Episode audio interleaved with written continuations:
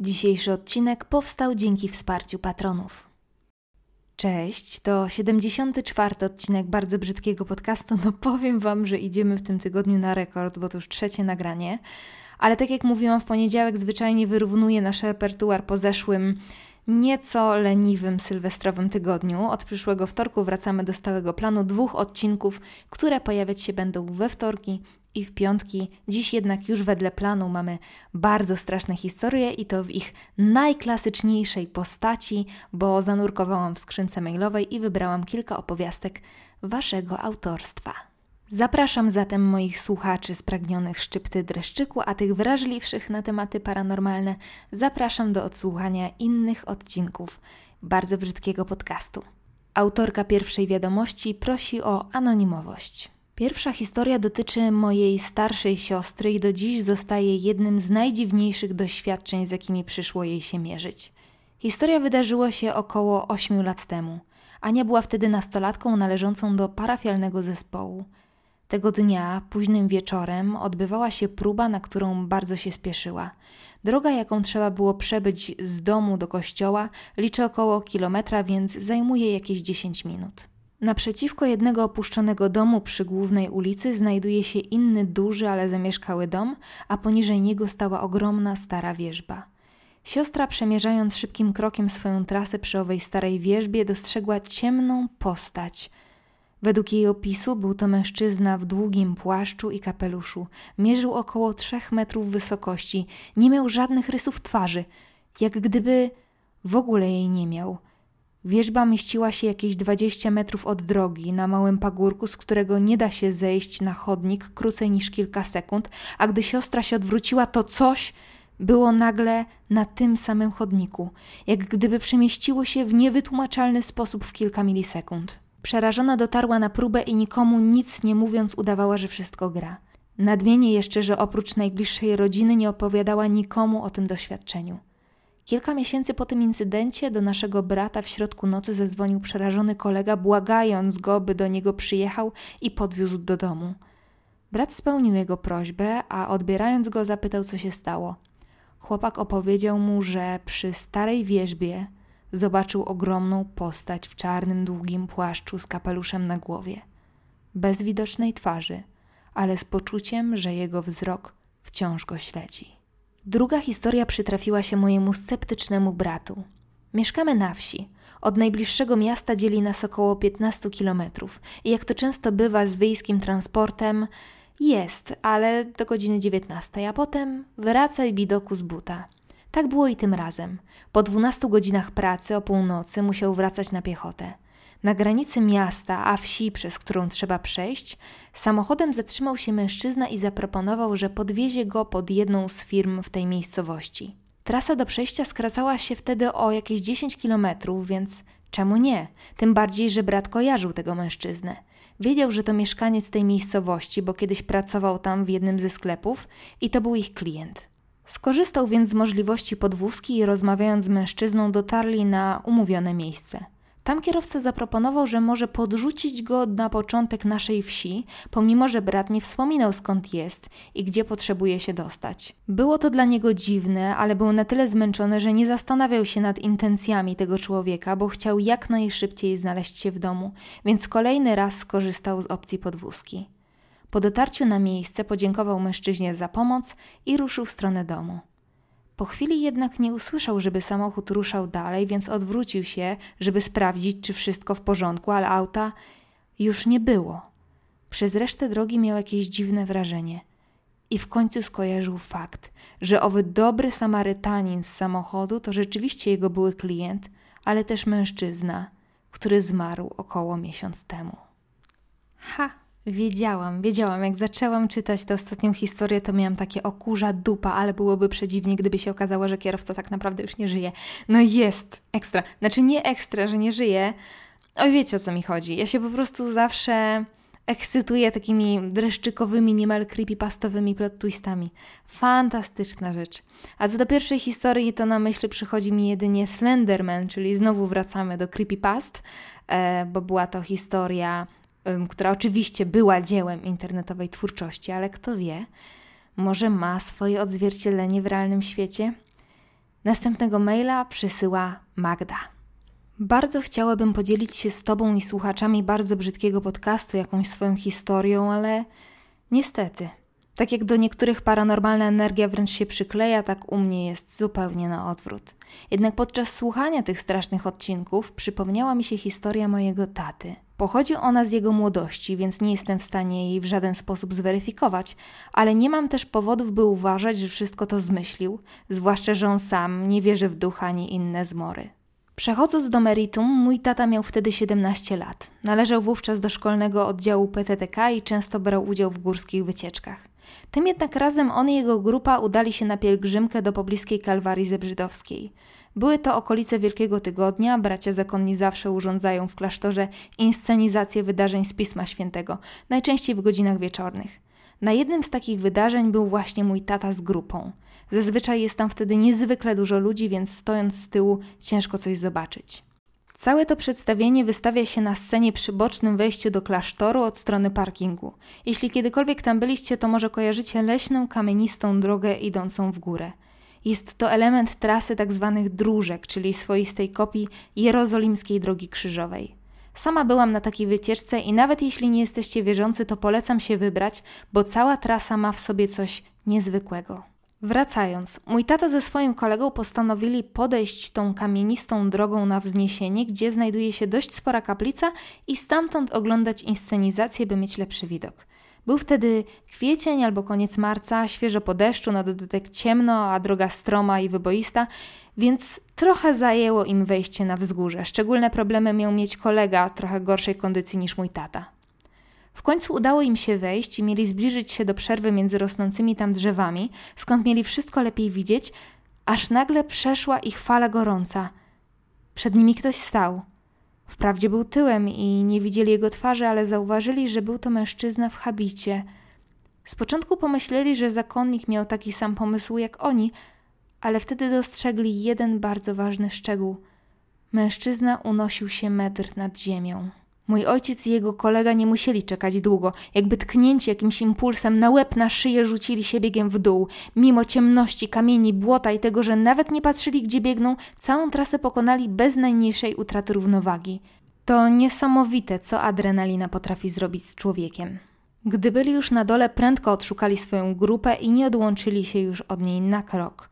Stali odwróceni od tego wzniesienia i choć mieli wrażenie, że coś ich obserwuje, nie odważyli się spojrzeć tam raz jeszcze.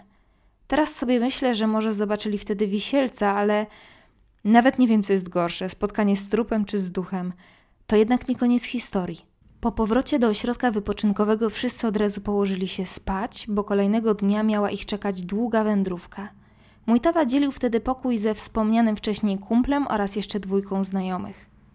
Rano opiekun ich grupy wezwał mojego tatę i tego jednego kolegę na rozmowę. Podobno nieźle im się dostało za to, że pół nocy ze sobą rozmawiali.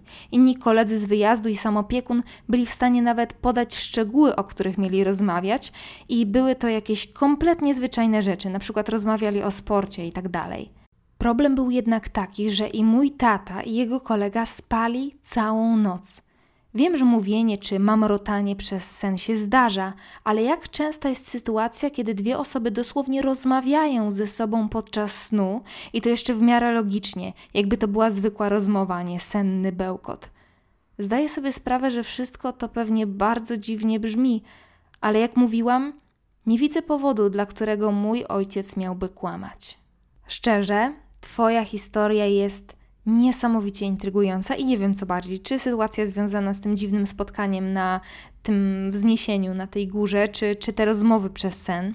We mnie na przykład wszystkiego rodzaju budowle sakralne, miejsca kultu, sanktuaria itd., tak itd. Tak budzą jakieś dziwaczne uczucie niepokoju i dyskomfortu i nie mam zielonego pojęcia, dlaczego tak się dzieje. Czy to przez wiekowość większości tych kompleksów, bo jednak większość z nich jest zabytkami, czy przez to, że jest tam tak dużo bardzo skumulowanej ludzkiej energii, czy przez monumentalność tych budowli, bo najczęściej są niezwykle okazałe. Nie mam zielonego pojęcia, ale przez to właśnie Twoja historia zdecydowanie poruszyła we mnie jakieś głębsze struny, za co bardzo dziękuję.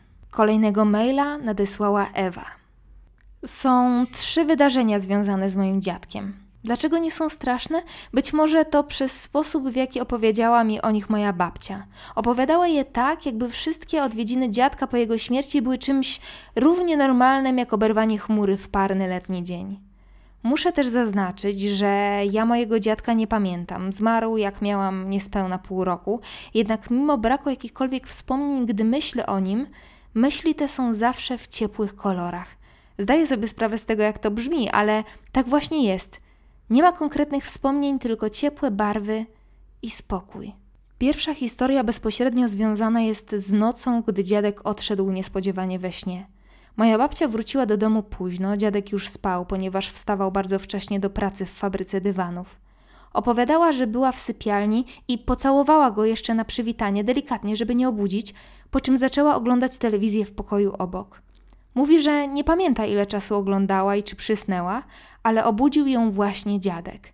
Wszedł do pokoju i oznajmił, że musi iść. Ubrany był w swój kaszkiet i długi prochowiec – Babcia opowiadała, że zdążyła jeszcze zawołać Gienek, nie wygłupiaj się, gdy dziadek się odwrócił i zniknął w drzwiach pokoju. Podobno już wtedy poczuła, że, że rzeczywiście musiał już iść, że go nie ma. Poszła do pokoju, w którym dziadek nadal leżał w łóżku. Wyglądał jakby spał, ale już nie żył. Druga historia miała miejsce niecały rok po śmierci dziadka. Mój brat, wówczas trzyletni, był pozostawiony pod opieką babci. Spał w tym samym pokoju, w którym odszedł dziadek, podczas gdy babcia krzątała się po kuchni. Nagle usłyszała kroki i myśląc, że to jej wnuczek się obudził, poszła szybko do pokoju.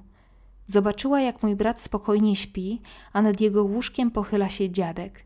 Zupełnie bez strachu zapytała: Gienek, a ty tu czego? Dziadek odchylił wtedy rąbek kołdry i powiedział: Chciałem tylko Krzysia zobaczyć.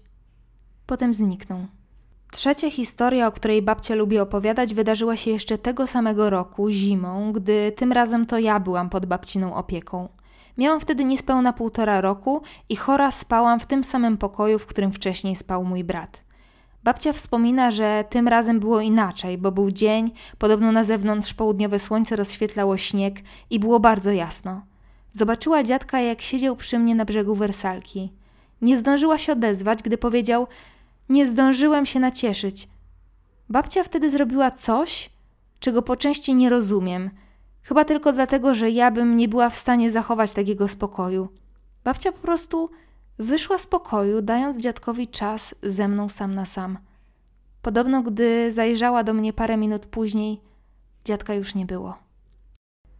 Bardzo często mam uczucie czyjejś obecności – Czasem, gdy jestem sama, odwracam się gwałtownie, bo mam wrażenie, że jakiś cień przemyka za moimi plecami.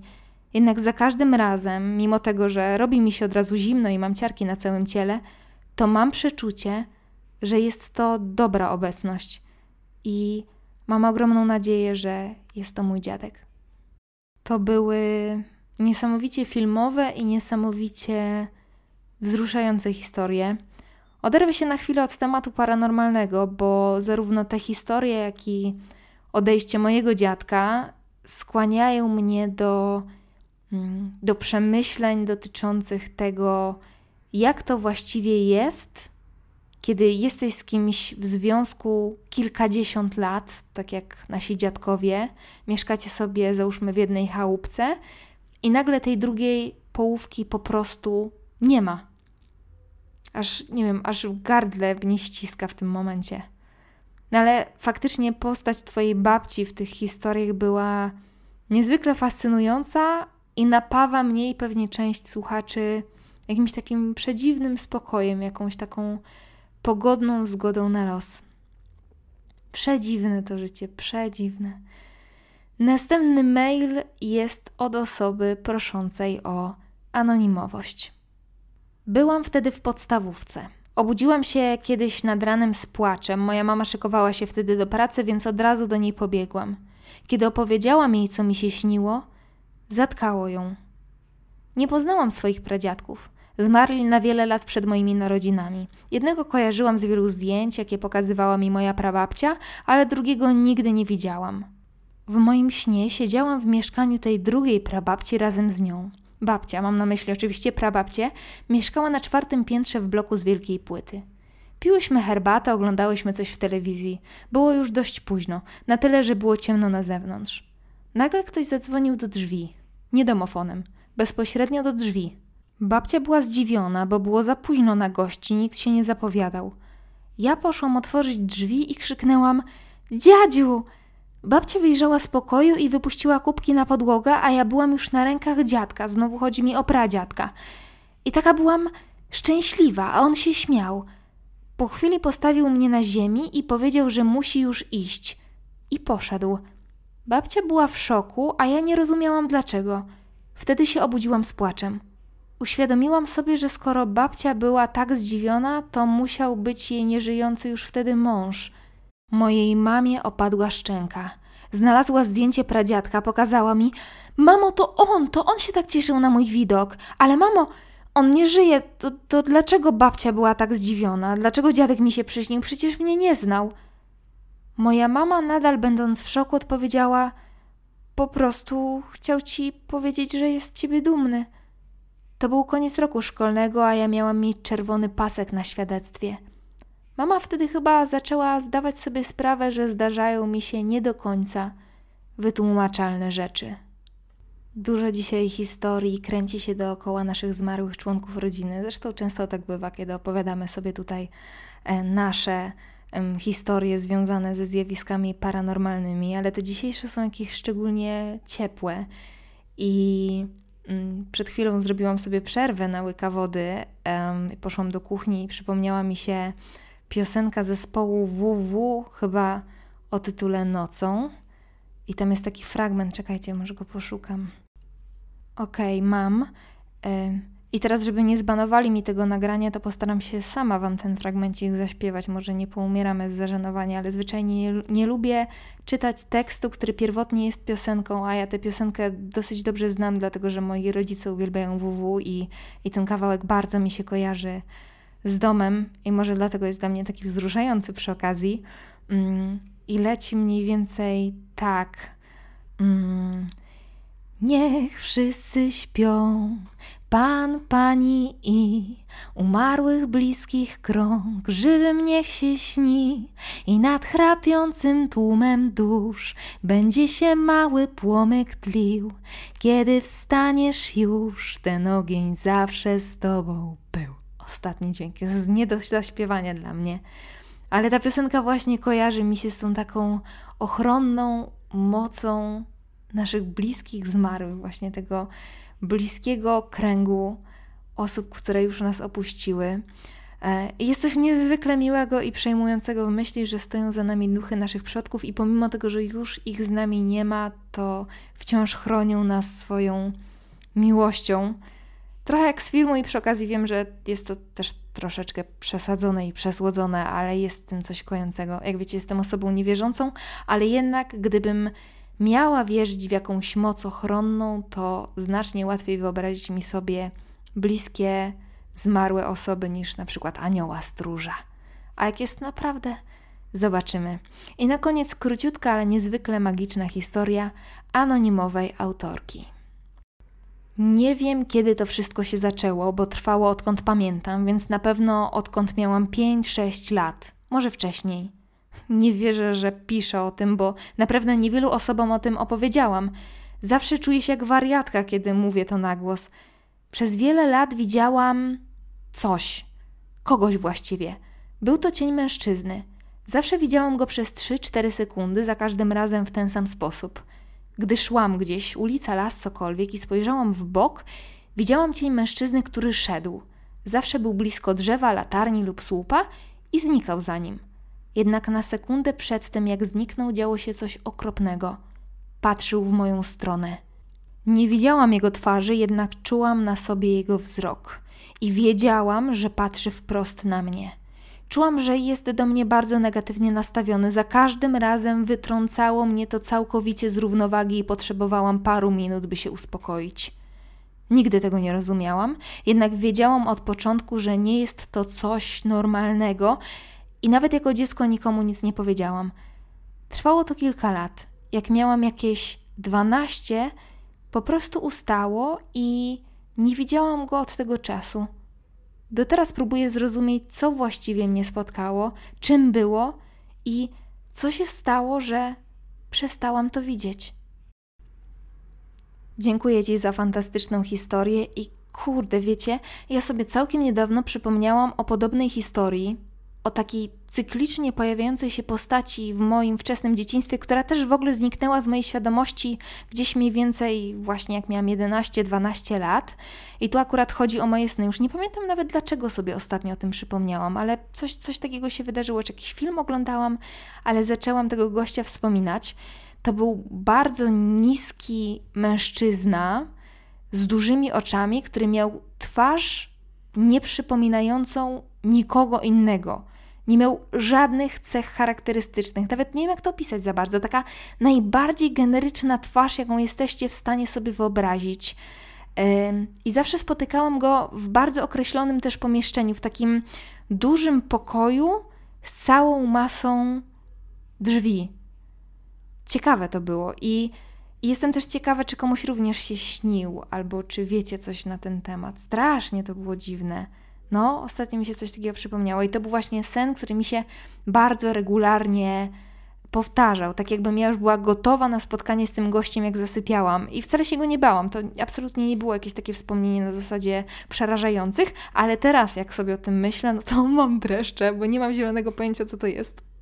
A tu w ogóle okazuje się, że to jest mój anioł stróż, nie? I całe życie człowiek sobie wyobraża jakiegoś, nie wiem, strzelistego archanioła, a tu dostaje w przydziale łysawego, mało urodziwego knypka. No to by było w sumie w moim stylu.